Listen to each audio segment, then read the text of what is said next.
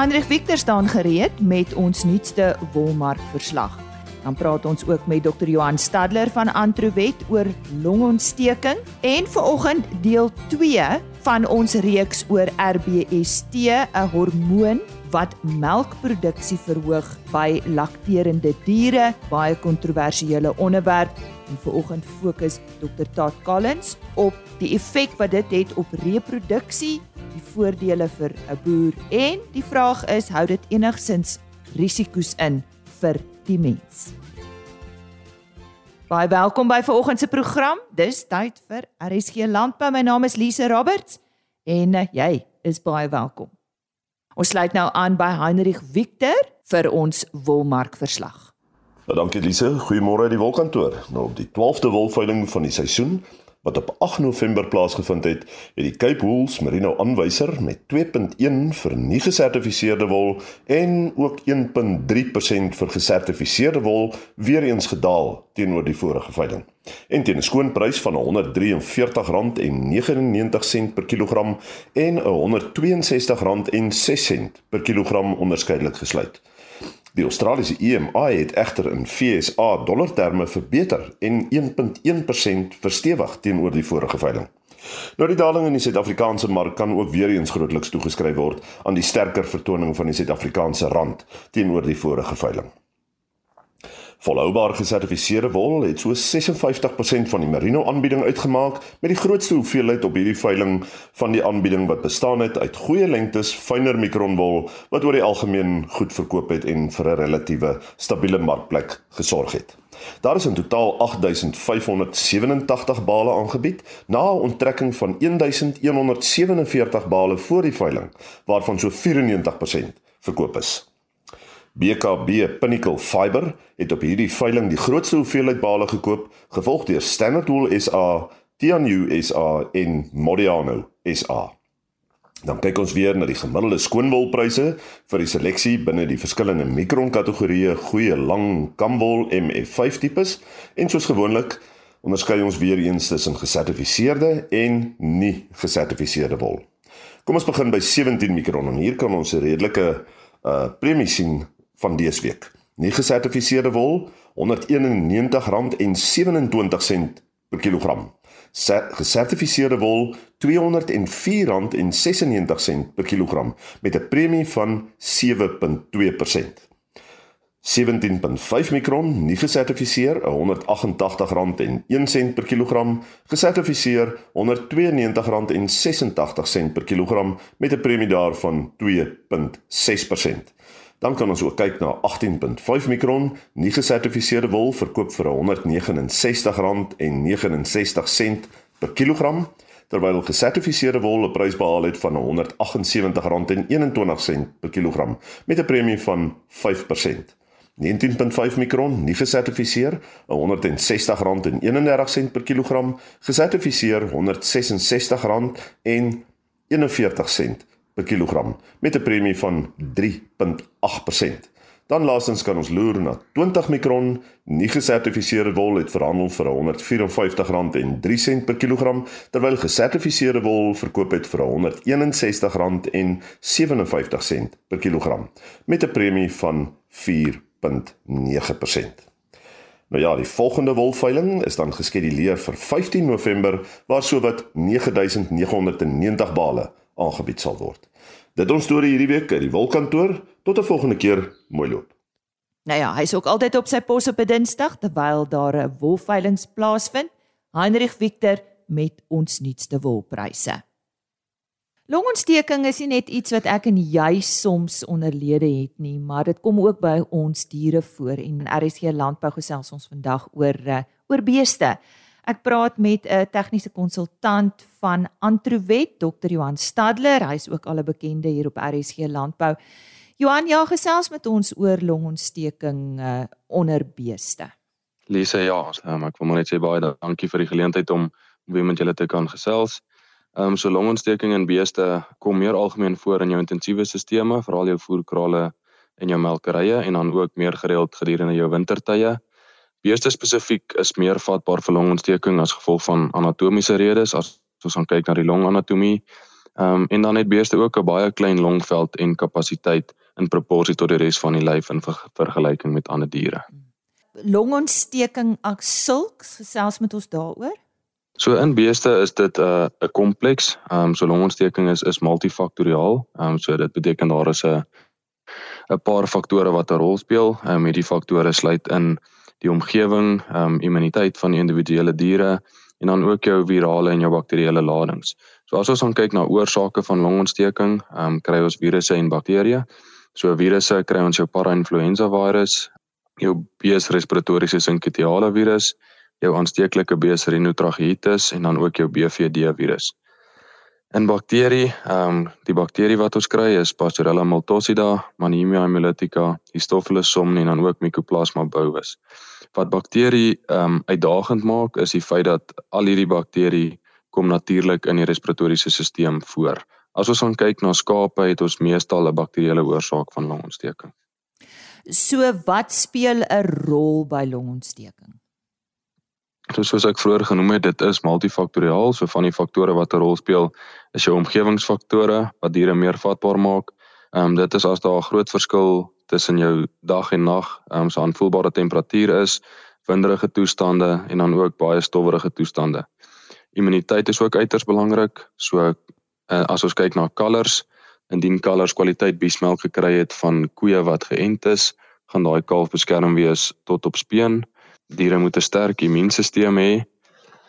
Sterk immuunstelsels word verkry deur ehm um, minimum stres, so kroniese stres ehm um, onderdruk jou immuunstelsel en dan ook voldoende vitamiene en mineraal vlakke um, om dan nou 'n respons te loods, immuunrespons te loods teen die siekte en dan ook 'n immuunrespons te kan loods teen enstof um, en dan sodoende immuniteit te bou.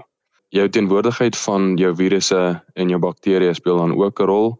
Um, en dan soos ek vroeër genoem het, um, meeste bakterieë kom natuurlik in die respiratoriese stelsel voor. Maar hoe ontwikkel diere longontsteking? So daar is nie net een manier hoe diere longontsteking kan ontwikkel nie, maar meestal gaan die eerste stap wees 'n uh, stresvolle situasie, so diere gaan gespeen word, diere gaan vervoer word, 'n koue front, ehm um, dit kan winderig en stowwerig wees. Stresvolle prosedures soos onthoring en kastrasie kan gebeur. Ehm um, diere kan uitgeput wees, hongersnood, ehm um, daar kan 'n verandering in 'n sosiale hiërargie wees en dan ook jy kan die verkeerde veedigtheid in 'n voerkraal hê. So daar's redelike klomp faktore ehm um, wat stres op die dier kan kan sit. Ehm um, wanneer daar dan nou stres is, kry ons meestal 'n primêre virale infeksie, ehm um, wat ons dan nou skade of seertjies aan die lugweg kan kry. Ehm um, daai seertjies maak dan nou vat plek vir bakterie oop en dan ook wanneer daar 'n virale infeksie is, ehm um, beïnvloed dit jou normale funksie van jou longe om noem dit nou maar vuil goed te verwyder. So jy kry 'n mikroselulêre verlamming en wat wat dan nou lei tot swakker mikroselulêre verwydering van jou patogene jy kry ook swakker witbloedselfunksie um, en dit het dan nou alles tot gevolg ophoping van vloeistof en um, vuil goed in die longe en dit is ideale groei medium vir bakterie. So dan kry ons drastiese vermeerdering van jou bakterie en dan laastens het ons dan nou 'n sekondêre bakterieële infeksie. Wat is die siekte tekens Johan? So per akiet ehm um, gaan ons geen tekens sien nie. Jy gaan diere net dood in die kraal kry. Ehm um, en dan akiet uh, tekens wat ons gaan sien, jy gaan 'n koors van meer as 40 grade hê. Ehm um, abnormaal asemhaling, dit gaan vinnig en vlak wees, jy gaan lusteloosheid hê, die ore en kop gaan hang, diere gaan nie wil eet nie. Jy kan moontlik uitskeidings deur die neus kry, jy kan moontlik ehm um, diere kry wat hoes en wanneer ehm, 'n um, veearts met 'n stetoskoop na daai dier luister, kan daar longklanke ook wees. Maar dis seker nodig dat dit uh, reg gediagnoseer word verseker. Ek dink dit is waar dit belangrik is om om saam met jou veearts te te werk sodat ons die regte diagnose kan maak en dan ook akkuraat kan behandel. Ehm um, so om dit te diagnoseer in lewendige diere kan ons doen wat ons noem 'n transtracheale was of ons kan 'n monster van die die nasofaringeale area neem en daai monsters kan ons dan nou instuur vir 'n kweking of 'n polimerase kettingreaksie um, of PKR in kort om dan nou jou organisme te identifiseer wat jou longontsteking veroorsaak. In dooie diere kan ons ook monsters van die longe wegstuur vir kweking of vir PKR um, om akkuraat te kan diagnoseer. So wat ook belangrik is is om saam met veeartse te werk um, om monsters weg te stuur om ook die bakteriese sensitiwiteit teen antibiotika te bepaal en sodoende sodoende meer akkuraat te kan behandel. En hoe behandel ons? So weer eens hier gaan ek sê dit is belangrik om saam met jou veearts te werk. Ehm um, die mees belangrike deel van behandeling is jou vroeë identifisering van siek beeste. Indien jy binne 24 uur ehm um, diere kan identifiseer wat siek is, het jy 'n baie beter herstelsyfer. Ehm um, so die virale oorsaak van longontsteking kan ons dan nou nie behandel nie. Ehm um, antibiotika wat ons gebruik um, vir sekondêre infeksies gaan afhang van die ekonomiese posisie van die boer, die bakterieële sensitiwiteit, ehm um, jou vorige sukses op behandeling, jou konsentrasie bereik in jou longe, asook jou tyd tot werking en jou tyd van werking van die antibiotika.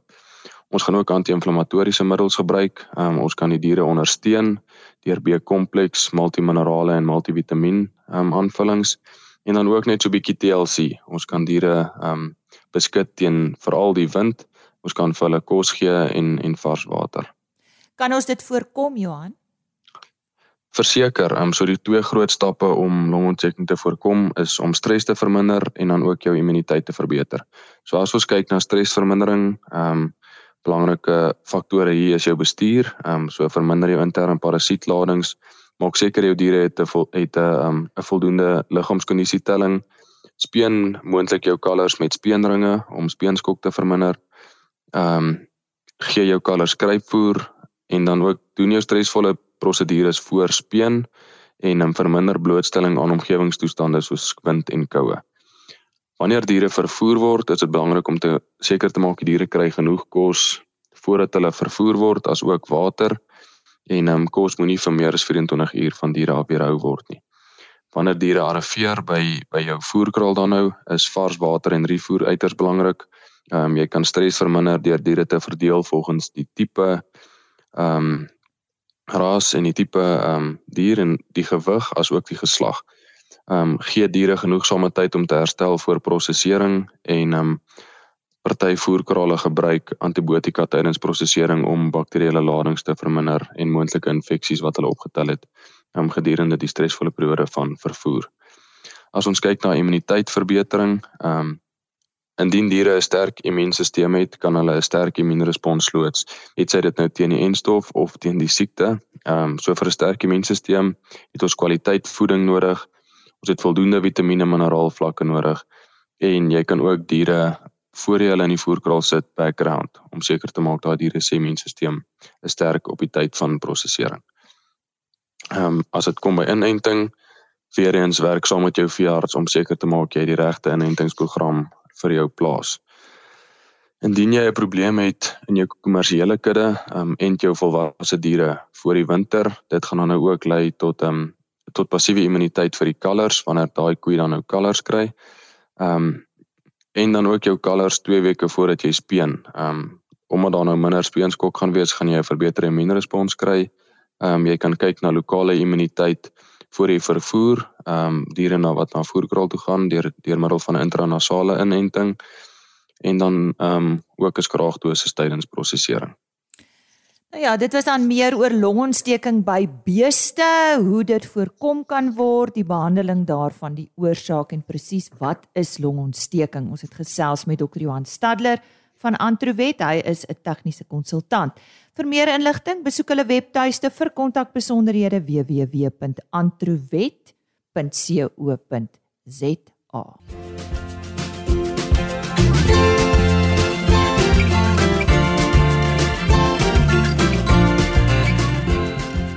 Dr. Todd Collins is 'n onafhanklike suiwelkonsultant. Ons het verlede week Dinsdag ons uh, eerste onderhoud in 'n reeks van 3 met hom in RSG Landbou uitgesaai en dit gaan oor die gebruik van RBST. Dit is 'n baie kontroversiële onderwerp want dit word uh, in melk aangetref.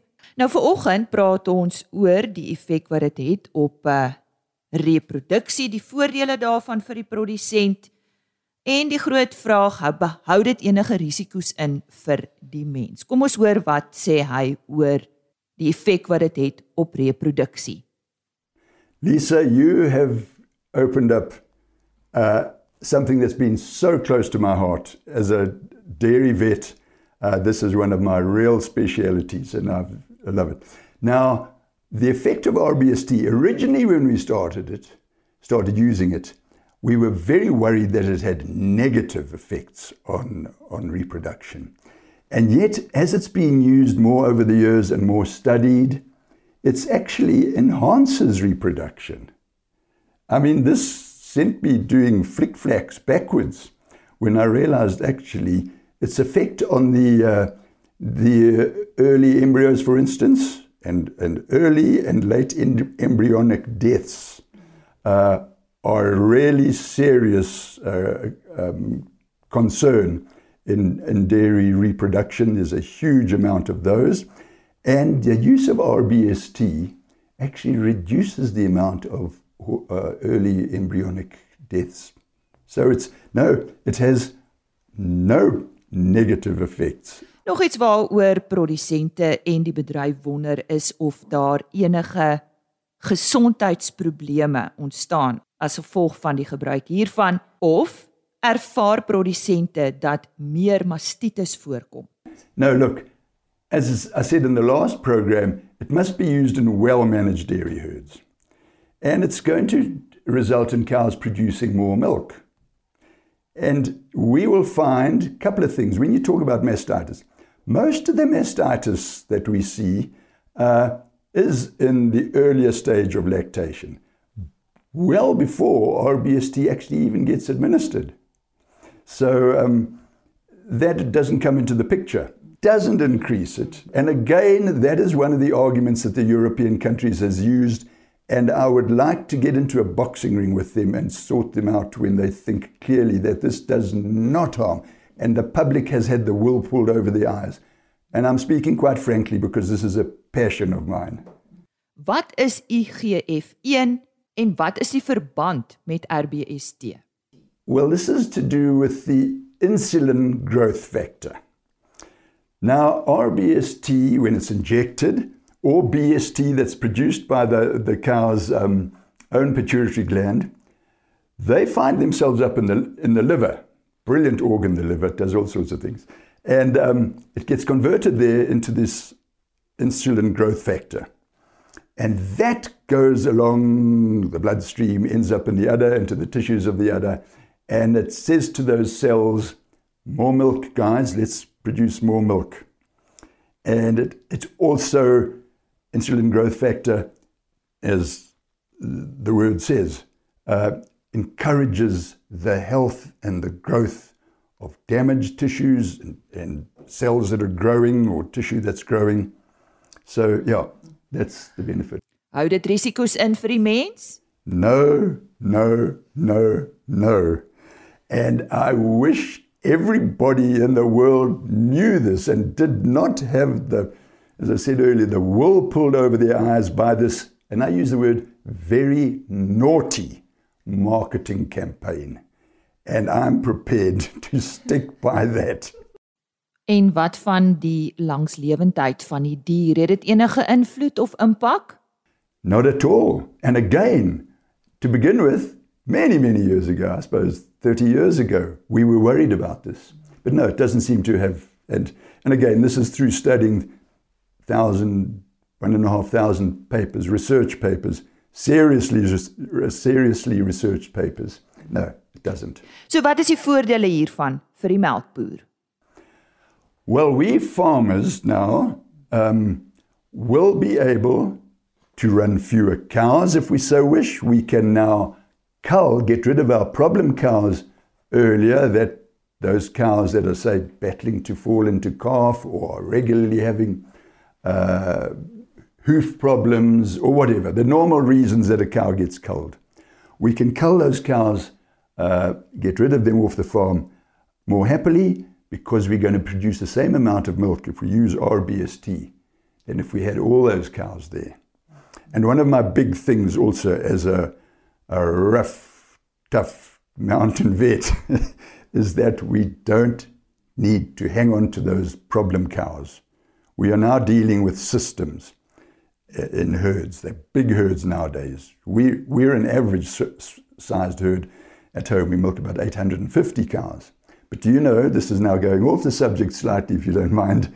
South Africa is the second largest average milking herd in the world. We're second only to Saudi Arabia, who milk about 50,000 cows in very, very artificial as, uh, as, um, situation environments. But we have the second largest in the world. And as I said in a pre, I think the previous uh, um, interview, uh, our farmers are good. Make no mistake, our farmers are very, very good. Ja. Dit was uh, dan 'n gesprek wat ek vroeër gehad het met Dr. Todd Collins. Hy is 'n onafhanklike suiwelkonsultant.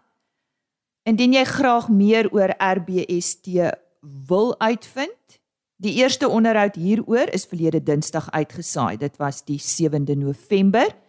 Besoek www.agriorbit.com, dan gaan kyk jy net bo aan die bladsy onder RSG Landbou en dan eh, die datum natuurlik 7 November en die onderhoud is daar gelaai. Jy kan ook op die RSG webtuiste gaan kyk onder potgooi vir RSG Landbou van 7 November. Volgende Dinsdag ons uh, derde en laaste gesprek en dan praat ons oor waarom hierdie uh, produk so kontroversieel is en waarom daar weerstand is. Ons sluit vandag af met landbou nuus. Vivian Jacobs van die De Tooy groep in Ceres is tydens die onlangse Wes-Kaapse Departement van Landbou se Prestige Agri toekenninge as die 2023 Wes-Kaapse Prestige Landbouwerker van die jaar aangewys. Die toekenning is tydens 'n gala aand naby Stellenbosch gemaak. Jacobs is 'n produksiebestuurder en uh, ons het na afloop van die geleentheid met hom gesels. Uh, my werk by Jaas ek is 'n produksiebestuurder daarso, so ek hardloop so 68 hektaar.